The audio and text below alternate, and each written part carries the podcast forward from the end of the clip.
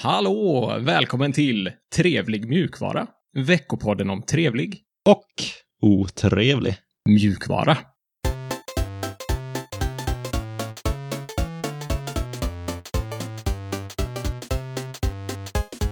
Och mitt namn är Sebastian och med mig har jag Alex som vanligt. Hur är läget? Hallå, hallå. Ja, det är bra.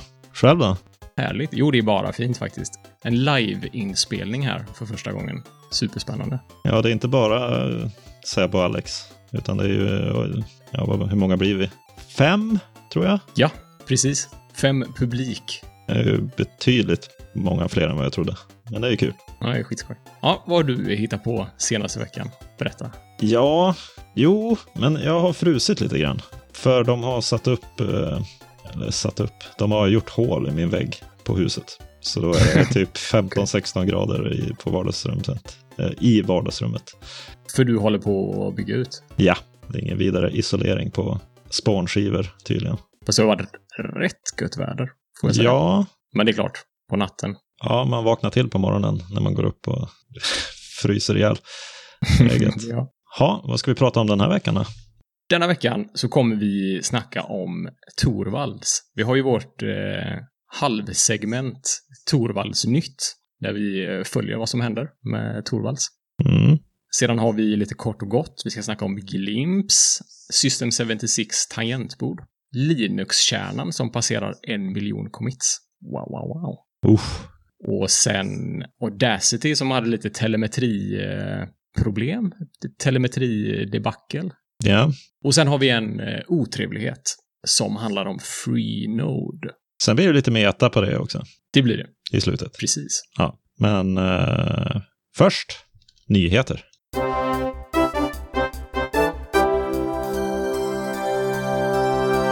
Mm. Torvaldsnytt säger du. Vad är det för spännande grejer han har hittat på den senaste veckan? Ja, Torvalds, precis. Det är ju inte riktigt eh, den senaste veckan, men det är de senaste veckorna i alla fall. Okej. så har han eh, ställt upp i en intervju med Tag One Consulting Mhm. som har en serie där de intervjuar open source-ledare och eh, däribland Torvalds då. Och den här intervjun har skett via e-mail som ju är Torvalds favoritsätt att kommunicera på. Ja, Just det. Oformaterad. Ren, precis. ren text. Ja. Garanterat. Ja, och man är väl intresserad av Torvald så att göra den här intervjun för att han har varit ledare för utvecklingen av Linux-kärnan i snart 30 år. Uff. I augusti i år så firar Linux-kärnan 30 år. Det är en lång tid alltså. Det är nästan eh, så gam- gammal som vi är. Hur gammal är Torvalds egentligen?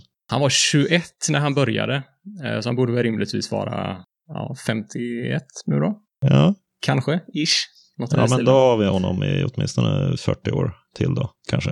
Ja, men det hoppas vi. Ja. Precis. 51 kommer bit in här in. eh, Liveinspelning. Vi kan få hjälp av våra lyssnare här i chatten. Vi har en livlina. 51. ja, precis. 51 enligt eh, Wikipedia. Ja. I eh, intervjun så snackar de om Linux, eh, Linux-kärnan såklart. De snackar lite om Git. De snackar lite om hur eh, Torvalds arbetsmiljö och fritid ser ut. Och den finns i två delar, eh, så jag rekommenderar den verkligen att gå in och läsa där. Det är ju spännande. Men vi har lite utdrag eh, ur den, lite saker jag tyckte var intressanta. Mm.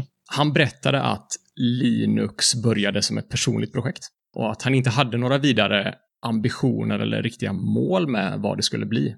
Han försökte lära sig hur hans dator funkade, hur saker funkade eh, och så råkade han bygga Linux. Och ju tur han råkar göra det. Ja, verkligen.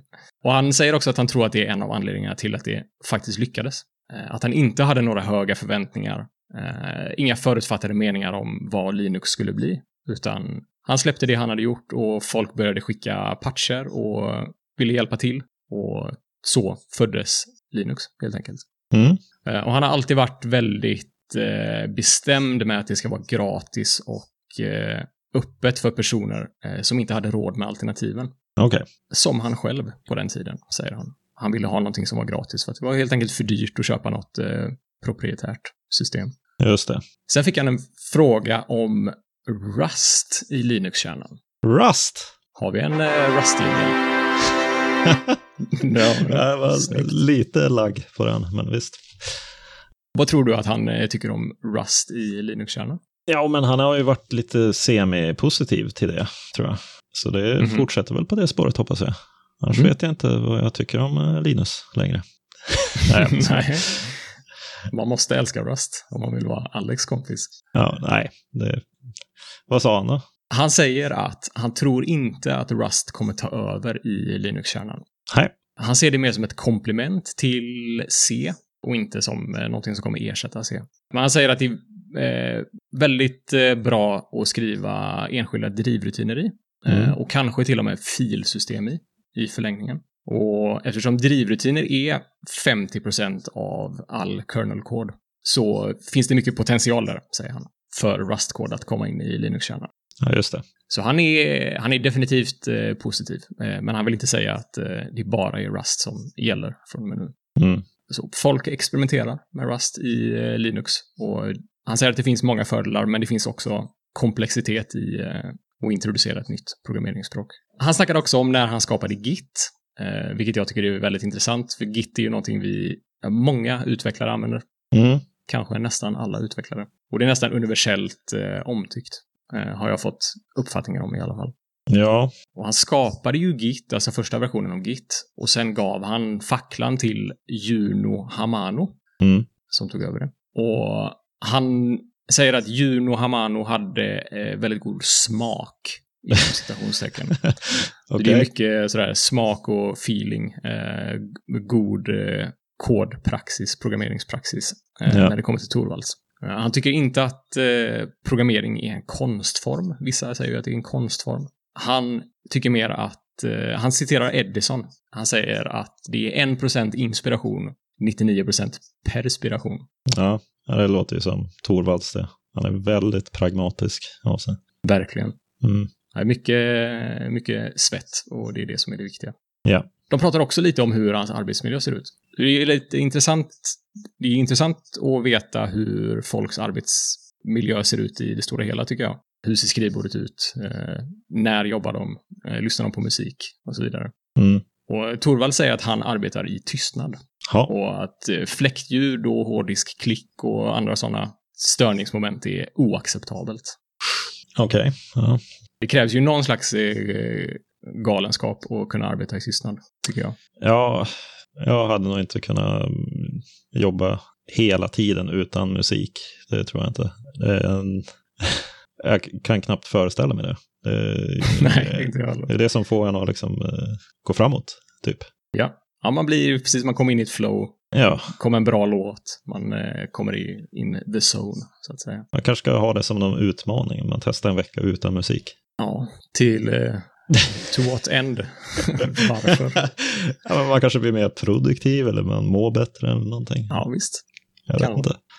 Ja, du får rapportera tillbaka när du har testat. Jag? Det var ju du som... Men jag vill ju inte göra det. Nej, okej. Ja, ja. Vad kör du annars? Vad kör du för typ av musik? Det Kan, kan det vara vad som helst? Det är oftast någonting där de inte sjunger så mycket. Okej. Eh, något Elektroniskt av något slag som inte är Just för eh, hypat. Eh, Lite lugnt elektroniskt. Eh, mer om eh, Torvalds arbetsmiljö. Han använder mikro-Emacs och funderar på att byta till nano. Vad är det? Mikro-Emacs är, någon, eh, Emacs är en annan typ av eh, editor. Eh, det är väl mer kanske en IDE än vad Vim är till exempel. Ja. Mindre IDE än vad Visual Studio är, kanske. Jag Mm. vet inte riktigt vad avgränsningen går där. Men han funderar på att byta till nano. Det tycker jag var lite intressant. Ja, blivit, blivit galen tror jag. Ja, verkligen. Kanske finns det skitmycket häftiga features till Nano som inte jag känner till. Men det, annars är det en väldigt simpel eh, texteditor. Det är märkligt faktiskt, tycker jag. Ja. In- intressant. Han kanske har tröttnat på att kunna så mycket snabbtangenter och grejer. Bitten har en, eh, i chatten här en definition på micro-Emacs. Micro-Emacs is a small portable Emacs-like text editor originally written by David Conroy 1985. Okej. Ja. Han har två stycken 4K-skärmar, Torvalds. Mhm. Och han kör... Eh, vilken distribution kör han, tror du? Om du får gissa. Ja, Gentoo eller Debian kanske? Arch? Fedora. Fedora? Okej. Yes. Ja, Bitte visste det. Ja, Han säger att han använder det för att han är van vid det. Han bryr sig inte så mycket om eh, vilken distribution han använder. Nej, han är ju pragmatisk. Han Ja. kör på med det han kan. Precis. Mm. Hans fritid då? Vad gör han egentligen? Han säger att han läser sci-fi-böcker på sin Kindle. Mhm. Och han gillar Dune. Dune. Dune. Superklassisk eh, sci-fi som jag inte har läst. Så jag ska inte låtsas att jag kan någonting om den. Men eh, det är väl öken och stora maskar. Eh, och det är väl ungefär vad jag vet om Dune. Ja, Det härligt. är hans favoritserie i alla fall. Han har läst den eh, många gånger, säger han. Ja. Han har barn, men alla är utflugna. Så han bor med sin fru, sina två hundar och en katt. Mm. Han har fått en vaccindos. Ja, Och han ser fram emot att återgå till ett eh, normalt liv efter corona. just det. Jag tror han höll på mycket med att dyka. Han har ju någon Mm. app som han hållit på med. Jag kommer inte exakt ihåg vad den hette. Nej, men det stämmer, det stämmer. Det, är, det pratar han om i eh, intervjun också, Ja, faktiskt. Ah, Okej. den där appen. Ja. Ja, fräckt. Det var allt eh, vi hade om Torvalds för denna gången. Det är Roligt att lära känna honom lite mer, tycker jag. Ja, då flyger han ut genom fönstret igen. då. Ja, det gör han. Hej då!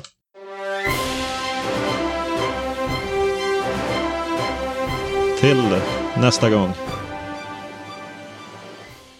Ska vi ta och kika på vad som har hänt lite mer? Eh, Ja, vad är det nu? De senaste tre veckorna. Lite kort och gott. Just det, det gör vi. Glimps tar en paus. Mm. Har du hört talas om Glimps? Alltså, eh, ja, det har jag.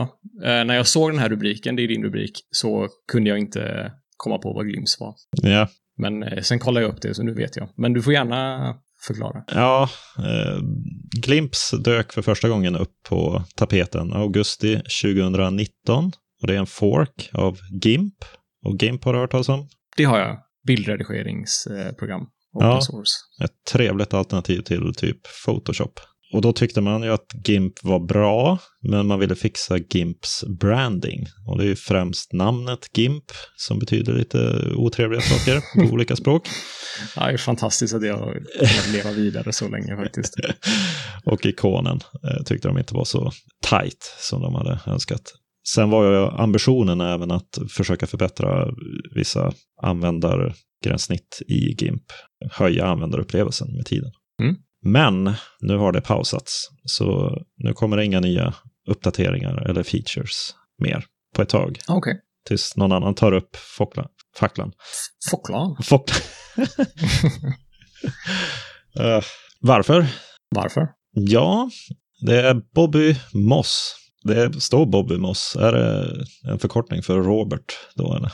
ja, kanske. Ja. Hur som haver, han är skapare av den här forken och eh, han säger att man fick tag i för lite folk. Och då kan man tänka, ja men det är ju svårt att sätta sig in i och koda i det där och så vidare. Men han hävdar att det var för lite folk som kunde hjälpa till med icke-programmeringsfrågor Mhm. ja, administrativa bitar och sånt runt omkring.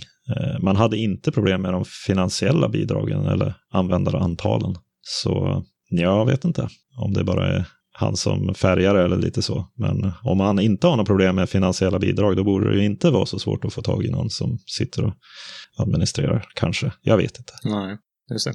Intressant att ha det problemet ändå. För Det är ju, open source eh, f- har jag uppfattningen om att det är väldigt inriktat mot utvecklare. Mm. Så det finns inte så mycket möjligheter eller eh, touchytor för folk som inte håller på med utveckling Ja. men ändå vill vara med i open source. Så det är ju potentiellt ett problem som är större än bara Glimps. Ja, eh, jag noterade det också. Jag tyckte det var lite oväntat i alla fall. Han tycker ändå att det var lyckat. eh, Att det, var, s- det blir som ett kvitto, eller var ett kvitto på att det fanns en stor efterfrågan på att lösa de här problemen med GIMP. Mm. Det har ju varit uppe på tapeten i GIMP-projektet att döpa om det flera gånger också. Eh, Men det har ju inte gått vägen, så det är därför den här forken kom till, tror jag. Just det. Okej, då får vi vänta lite på nästa fork, kanske, av eh, GIMP. Eller på att eh, Glimps blir upplockad igen. Ja. Tangentbord från System 76. Eller System 76, tror jag man känner igen det som. Det är ändå okej att säga det på engelska när det är ett varumärke, Ja, tycker jag. Yes, ett tangentbord. Vi har snackat om det här tangentbordet eh, innan i podcasten. vad var det det hette? Eh, jag vet inte om det har haft något officiellt namn tidigare, men nu har det det i alla fall. Ja, Det heter Launch. just det. Och det är ett eh, helt open source, både mjuk och hårdvaran, firmwaren, allting är open source. Ja. Och de har försökt att tänka om tangentbord lite grann eh, för att göra det mer ergonomiskt och inte bara behålla tangentbordsstylen som den alltid har sett ut. Mm. Och det har de lyckats med till viss del, tycker jag. Nu har de postat eh, bilder precis hur det ser ut och man kan förbeställa tangentbordet för 285 dollar. Så det är ganska dyrt. Ja, Men eh, då kanske man blir nyfiken på vad det finns för features i det här tangentbordet. vad har den för features?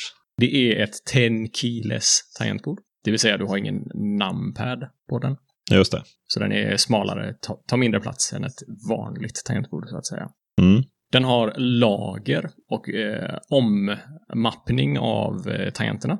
Ja, Precis som eh, ditt fräcka tangentbord som vi har snackat om lite grann. Den har också lager. mm. jag tror det är samma mjukvara i grund och botten faktiskt. Okej.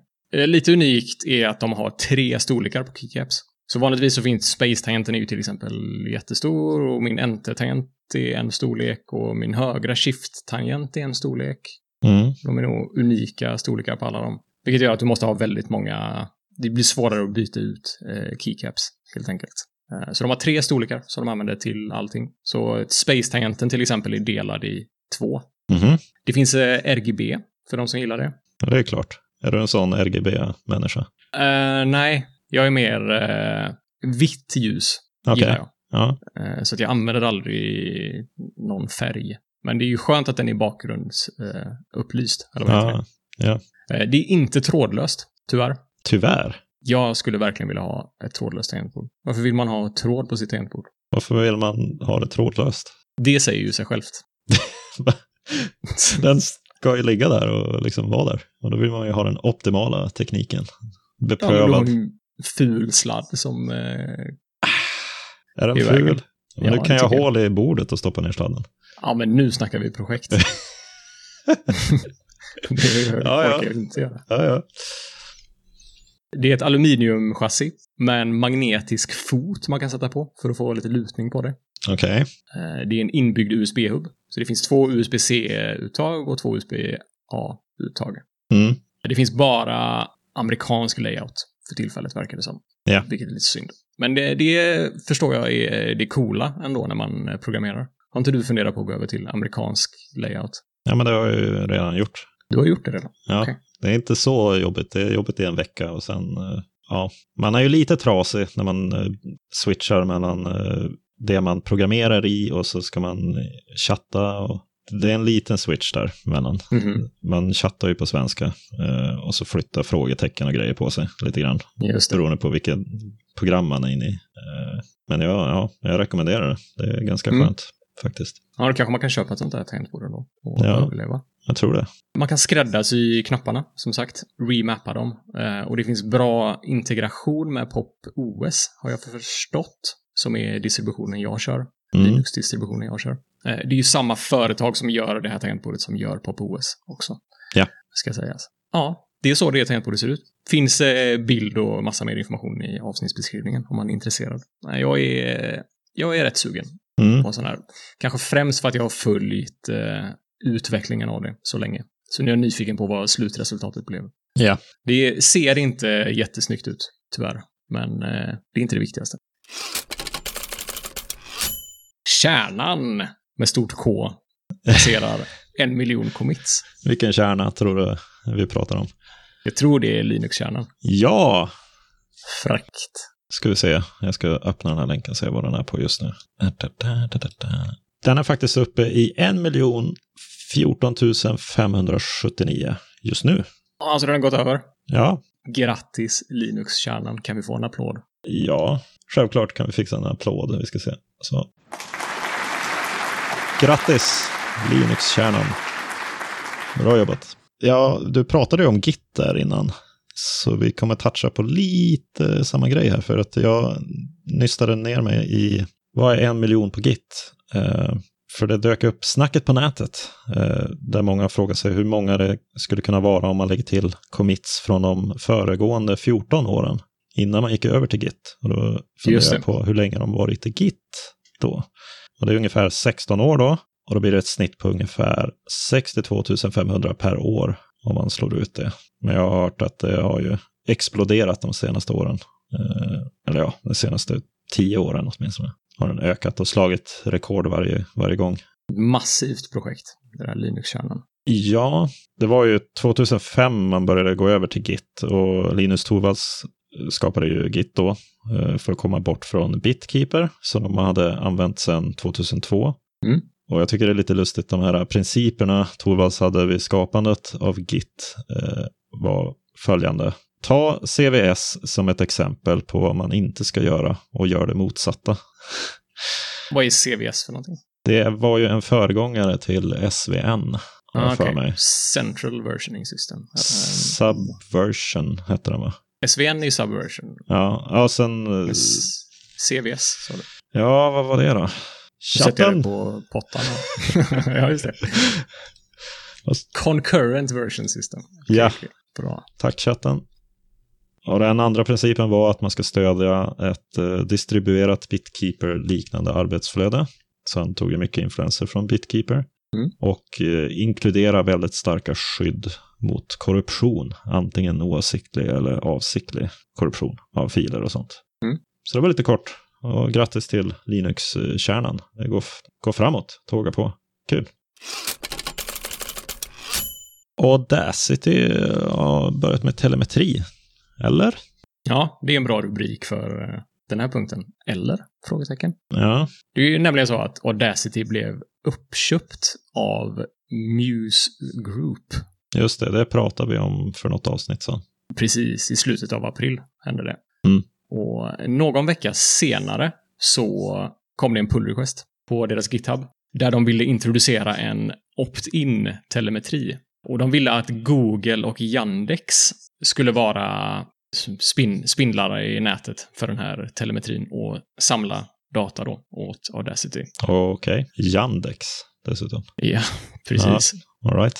Och gemenskapen började gapa. Så, såklart, det hade man kunnat gissa. Men Ja. vad är, hur smart drag är det att börja med en sån här pull request? Det var ju väldigt dålig smak, får jag nog säga. De måste ju, verkligen, de måste ju etablera någon slags eh, trust innan de... att det här är deras första eh, liksom, move är ju bisarrt, Ja. tycker jag. Yandex, om vi börjar med den, skulle ha koll på när applikationen öppnades. Ja. Det var det enda den skulle ha koll på. Och jag ställer mig själv frågan varför behöver man blanda in Yandex för det? ja, Om det nu finns en trigger kan du inte ta något lite mer etiskt eh, alternativ eller bygga någonting själv eventuellt.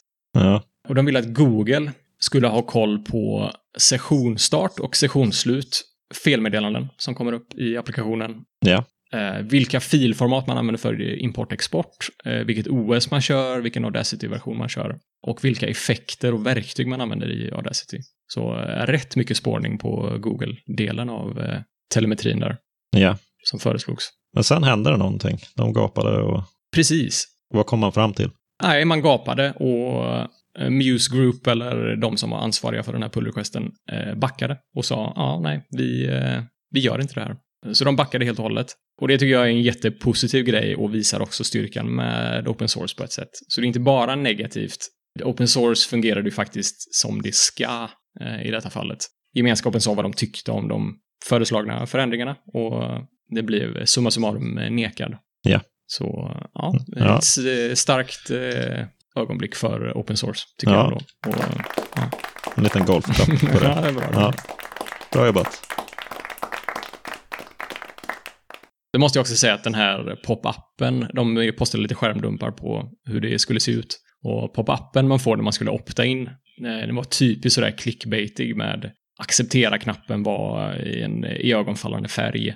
Mhm. Acceptera inte, eller cancel-knappen var gråaktig. Okej. Ja. Eh, så Jag tycker att det där är ju den klassiska liksom användargränssnittstekniken man använder när man vill att folk ska klicka på någonting. Mm. Eh, lite för att lura dem som inte riktigt läser vad som står i pop-appen. Eh, men i det här fallet så måste det vara jättetydligt att det är ett val du gör och vi, vi vill inte lura in dig i någonting, utan eh, ja, jag tycker de borde haft samma färg, de här knapparna. Men det är en, eh, ja, bara en reflektion. Ja. Mm. Ja, intressant vad som hände med Audacity nu när de har blivit uppköpta. Ja. eh, Säkert eh, mycket bra, men också lite frågetecken. Jag är lite orolig för min favorit eh, redigerare. Eh, Mm. mm. Ja, ska vi ta och titta på en eh, liten otrevlighet kanske? Det gör vi. Freenode! Det har vi aldrig gjort live förut. Nej, men det är ju så det låter varje gång. Jajamän. Freenode är veckans otrevlighet. Ja, Berätta mer. Jag är nyfiken. Jag har hört det viskas om, eller viskas, gapas kanske. ja, det dök ju upp en massa i, i Trevlig mjukvaras eh, kanaler om eh, att eh, ja, kanaler på Freenode hade hoppat över till något Libra-chatt eh, och att det var en massa dramatik i Freenode.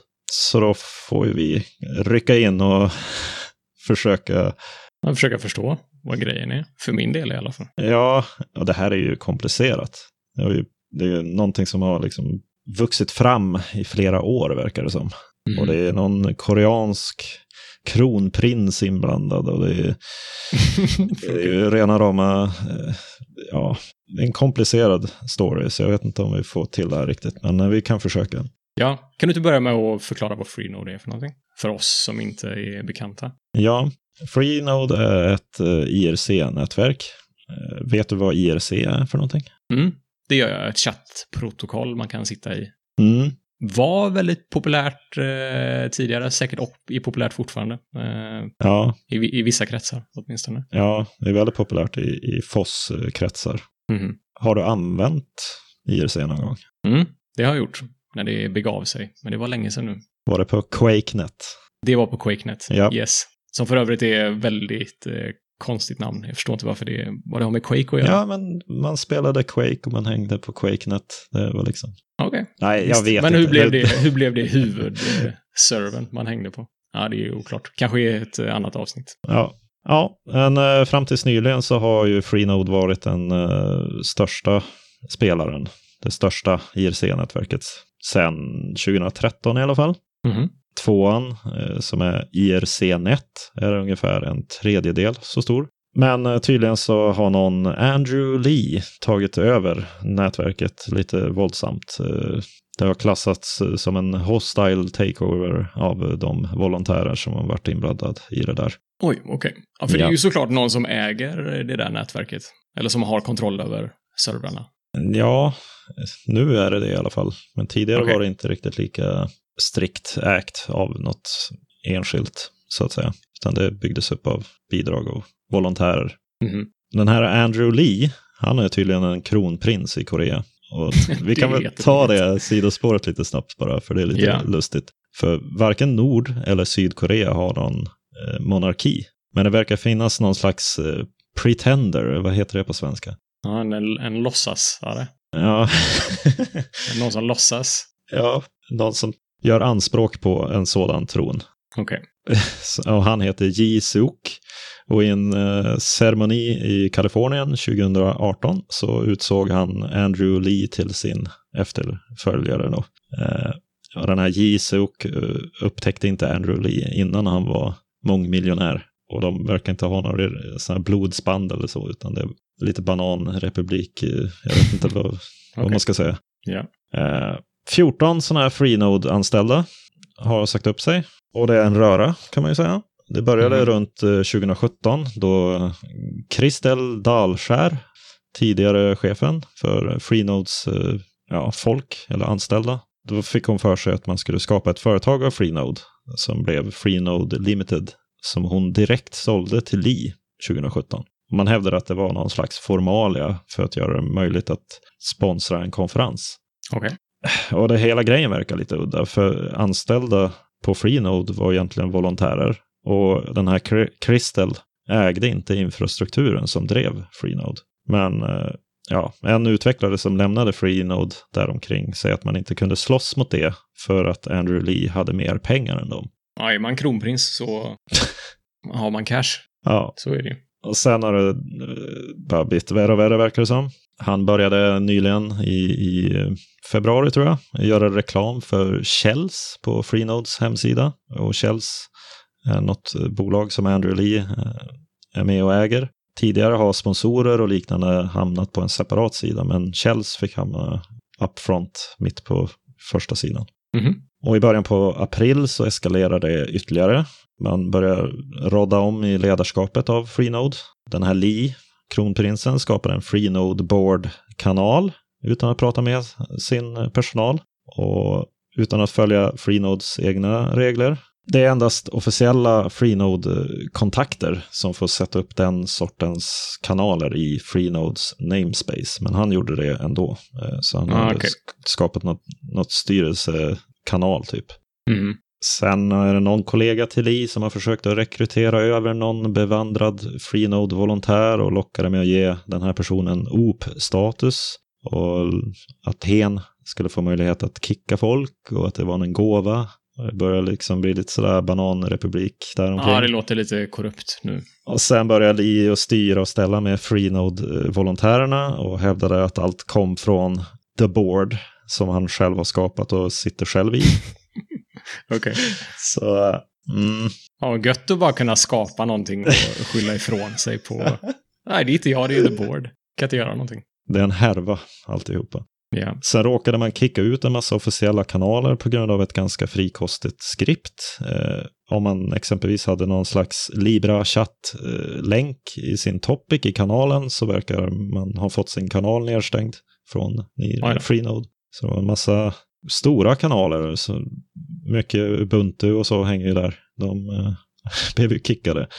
Mhm. Men ja, en kort tid efter det här eh, debaklet eh, så skapades Libra Chat av eh, avhopparna från Freenode. Och det är en ideell svensk förening som driver det. Och summa summarum, många har gått över dit. Och Freenode är i någon Mm. slags free fall. Oh, jag fick det till.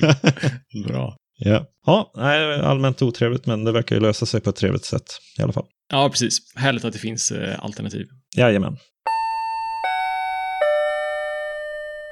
Mm. Ja, Mm.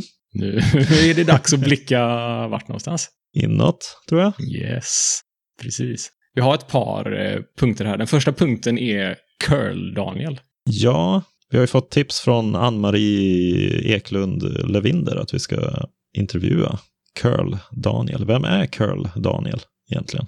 Eh, Jag har inte så bra koll på curl, Daniel, om jag ska vara helt ärlig. Eh, Men han är en svensk som har skrivit curl. Ja, det räcker Är det väl så, simpelt? Ja. ja. ja, men han sitter ju i en massa viktiga ja, positioner också och Mm. gör annat såklart. Ehm, Så det hade ju varit intressant. Eh, Frågan är ju vad lyssnarna tycker om det är något vi borde jaga efter. Ja, ja men det är ju, hade varit jätteroligt att göra fler intervjuer. Och när vi har fått ett tips så här ifrån Ann-Marie som var superrolig att intervjua och prata med. Eh, förra avsnittet gjorde vi det. Då känns det ju jättevettigt att hoppa på den chansen. Ja, kanske blir en sommarspecial. Den har vi inte rätt ut än. Nej, precis. Just det, den är på tapeten snart. Mm. Spännande. Mm. Ja, nästa punkt då. Ja, hur är det att göra det här live? Live? Det är en meta, metadiskussion vi kommer in i nu. Medan vi är i live. Ja, precis. Ja, vad ska man säga? Nej, men det är väl... eh, Det blir ju ganska mycket stressigare. Och eh, man har ju en deadline man ska vara preppad och redo till. Mm. Det har vi ju ändå, i och för sig. Vi brukar ju boka... Ja, men det brukar ju inte vara en, ett klockslag som man... Nu måste du vara klar. Nej, just det. Nu när man har blivit lite varm i kläderna så känns det ju ungefär som vanligt. Det är ju lite Mm. konstigt att titta på dig medan du- vi pratar med varandra. Det brukar vi Det inte kanske vi göra. borde införa. Det är ändå lite roligt att se reaktionerna. Och... Ja, kanske. Ja, men jag tycker det är superroligt. Det är roligt att eh, några har eh, hjälpt till och svarat på frågor, eh, ställt frågor, Ja, joinat in. Ja, det är nästan som man eh, borde göra det här igen, om det finns intresse. Ja, det var jättekul att det var så många som dök upp faktiskt. Ja, jag håller med. Jag måste erkänna att jag var lite nervös inför det här. Ja, men det är väl inte så konstigt. Det, det var nog jag också. Ja, ja, men det gick bra. Jag är nöjd. Ja. Hittills. Nu är det dags för frågestund. Fråga trevlig mjukvara. Ja, Vi spelar ju in det här live, så vi får se om vi får någon livefråga. Och så har du någon fråga nu som vi börjar med, tycker jag. mm. ska vi börja med livefråga? Jag tror Bittin räcker upp handen här. Mm, det gör vi. Bittin, välkommen. Ja, tackar. Jag tänkte nu när det kom fram så, så forskning. Är det någon speciell föreläsning ni ser fram emot extra mycket? Jag tycker ju den föreläsningen som jag har glömt eh, titeln på, eh, han som ska snacka om blockchain och eh, framtiden för eh, decentraliserad finans, den tycker jag verkar jättespännande. Mm. Så det är nog mitt val. Ja, jag tycker ju alla ser väldigt intressanta ut i alla fall. Man får välja alla också. om Får man det? Ja, men du snackade om den öppna skolplattformen, eh, vet jag att du har pratat om. Ja, just det. Det hade varit kul att se den. Ja. Han som hamnar i blåsvädret. Ja, precis. Ja. Mm. Har du någon eh, som du är extra sugen på, Bittin? Jag tänker nog kolla på alla, tror jag. Mm. Får man väl se efteråt vad som är intressant och inte. Just det. Eh, Alla kommer väl upp sen också, så man kan titta på dem i efterhand va? Ja, Laila lades upp på Fosnors YouTube-kanal. Just det. Mm. Yes. Ja. Ska vi ta några såna förinskickade frågor? Gör det. Vi har fått ett gäng frågor från eh, Fredrik Björman på Mastodon. Jag kan börja med den första som är, ni nämnde i senaste avsnittet att ni var inne på spåret trevlig mjukvara olika länge. Hur länge och hur såg era vägar hit ut? Det är en intressant eh, fråga.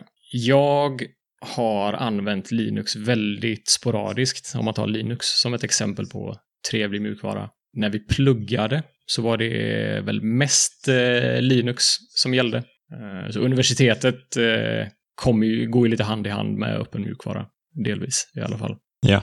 Annars har jag nog inte haft någon vidare, innan den här podden började, eller lite för typ två år sedan kanske, har jag inte haft någon riktig jag har inte riktigt tänkt på vilk, vilken typ av program jag använder. Jag har använt... Eh, jag har varit väldigt pragmatisk på det sättet att jag har använt det programmet som eh, jag tycker är bäst eller ser snyggast ut och har struntat i hur eh, etiskt eller fritt eller eh, open source programmet är. Jag har suttit på Windows i alla år tills för ett och ett halvt år sedan ungefär. Och jag måste säga att det är en superrolig värld att komma in i och det finns eh, jättemycket trevliga människor bra liksom, stämning oftast i alla fall.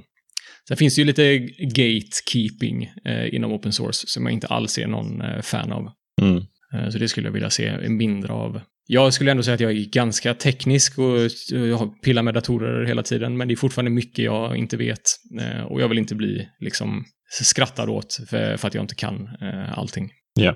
Eh, och det har jag inte blivit, men eh, jag har sett eh, vissa, vissa exempel på när folk inte är jättetrevliga mot eh, noobs, så att säga. Ja, jag har väl hållit på eh, sen, jag vet inte. Jag gjorde min eh, tuffa switch, eller vad man ska kalla hårda switch, i 2013 tror jag. Någonstans där omkring. 13-14. Innan dess så hade jag ju kört en del. Jag var till och med inne på BSD i- i början på 2000-talet någon gång. Eh, bara Det visste jag inte. för att testa lite. Jag var liksom fascinerad av det här. Jag har alltid varit fascinerad av alternativa operativsystem till Windows som eh, var någon slags standard på alla datorer. Eller fortfarande är det. Men eh, alla datorer som jag har haft har någon gång haft Linux på sig och nu de senaste åtta åren så är det alltid Linux på grejerna. Och jag försöker att välja öppna, fria lösningar. Det känns mest hållbart i längden. Man har blivit bränd några gånger när grejerna inte s- stöds längre eller att de har börjat låsas ner av någon anledning.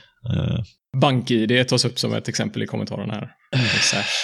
Ja, det är evigt, vad ska man säga, horn i ryggen. Vad, vad är uttrycket? Ja, Nagel precis. i ögat. ja, precis. Ja, Stängd eh, lösning som eh, krävs i dagens samhälle. Ja. mer Eller mindre. det är ju absurt.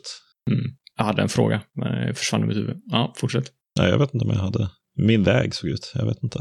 Jag har alltid varit eh, fascinerad av öppen mjukvara och eh, tyckt att det varit trevligare i längden. Och Mm. nu, är det- nu har man kommit till den nivån att man kan ju köra det 100% förutom BankID då.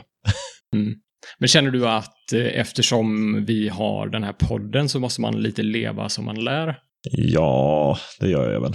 Det är därför det tar emot lite att vi har den här eh, podcast-hosten. Mm, just det. Den behöver man ju kanske se över mm, så småningom. Ja, ja nu har vi blivit, eh, fått inspiration från Johan här. Ja, Det går, och, det går att göra ja. på ett bättre sätt. Sen har han, eh, Fredrik en till fråga. Vad är bäst med att göra podden? Eh, det är mycket som är bra. Och få någon, eh, rutinen är viktig för mig. Och det är ju ingenting som eh, Det kanske återspeglas i att jag tycker det är roligt att göra podden och att podden kanske blir lite bättre av den anledningen. Men eh, det är någonting som eh, jag måste göra varje vecka. Det ger mig en rutin eh, och jag tror man mår bra av rutiner. Ja. Och eh, om jag inte gör det så är det andra som lider av det. hade det bara varit jag själv så kanske jag hade skitit i det eller inte orkat vissa gånger. Ja. Men eh, den pressen, pressen är bra tycker jag. Ja. Karaktärsbyggande. ja, man blir lite mera, ja, lite kött på benen. Jag vet inte vad det är för ord jag är ute efter. Maskin på näsan är det du tänker på kanske? Ja, Eller en, eh, något i den stilen. Ja. ja lite så kanske. man blir lite tuff när man är tvungen att prestera Ja. på någon, någon slags nivå. Ja, ja, kanske. Det pushar en ju att bli bättre på Mm. saker och ting. Och sen är det ju att man, för mig har det varit en katalysator för att att s- få, få fart på mina egna projekt också. Så att jag Mm. liksom f- genomför mina utmaningar. Sen tar det ju Just det. tid med vissa utmaningar, men eh, jag rör mig ändå framåt. Och det hade jag nog inte gjort om jag- jag inte haft podden att göra. Sen är det ju kul att man får prata om saker som man gillar. Och att man får någon slags artefakt som man kan titta tillbaka på genom tiden. Det tycker jag är häftigt också. Att man skapar någonting som eh, just den här artefakten du snackar om. Mm. Någonting som finns där ute. Ja. Bara, jag har gjort det här. Ja. Samma känsla som när man målar en tavla eller ja, vad det nu kan vara. Vad är jobbigast med att göra podden? Frågan också. Eh, för mig är det samma sak, tror jag, som jag svarade. att, att man måste... Det går liksom inte att skjuta på. Det är, något, det är ett måste som eh, måste göras. Ja. Det var ett trå- tråkigt svar på den frågan. Ja, men det är väl det som är jobbigast. Att det, man kan inte lata sig. Du kan ju lata dig i sex och sju dagar. Ja, men då kommer man ju inte att tacka sig själv efter det. Så är det. Ja. Ah, sista fråga här. Vilken trevlig mjukvara saknar ni där ute? Eller skulle behöva mer kärlek för att bli riktigt bra? Ja, en- en trevlig bank-id är ju Ja, uppenbart shit. svar.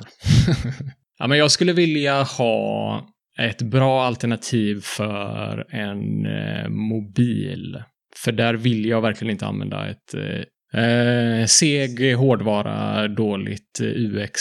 För nu eh, skiter jag bara massa på Pine 64s grejer. Och de gör fantastiska saker, men det är inte riktigt där än nej. från vad jag har sett, tyvärr. Nej. Så det skulle jag vilja ha, ett alternativ eh, till min Android. Ja, Jon Arvid eh, säger att D-Fri pratar om fritt bank-id. Nu så, det pratas om Mm. det redan. Mm. Okej. Ja, det känns ju vettigt.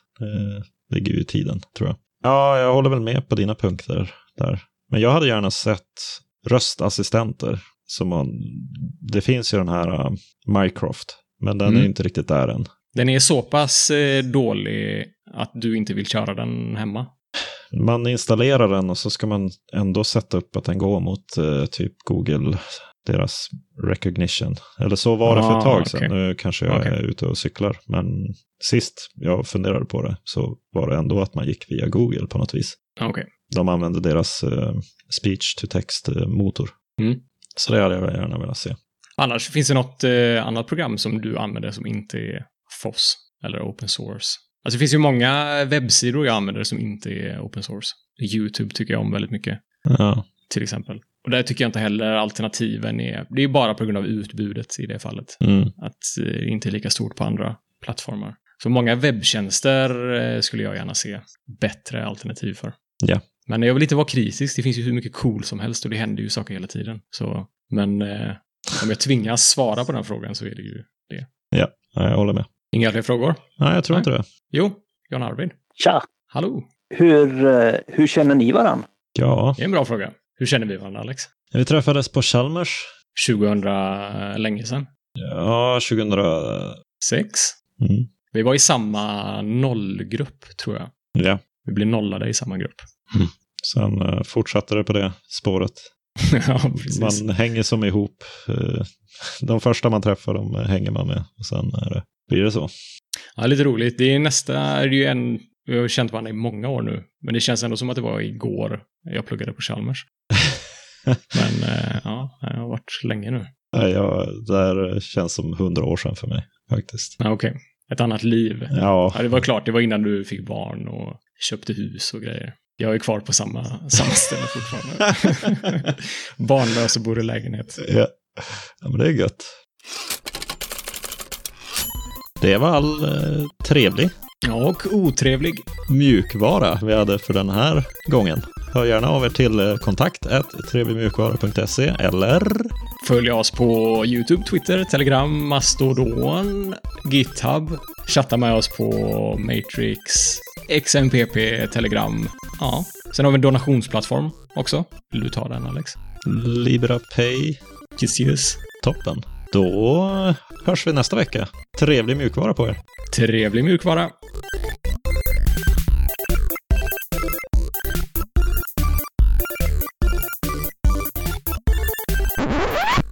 Okej, ja, då får vi vänta. Oj. Du, Det ja, är en god eh, live, eh, live-tabbe. all right. Kör om Jag, den jag, där. jag, jag, jag hade inget vettigt att säga. Ja, men det var, det var ju bra. Okej, vi kör en... eh, Kör en. Ja.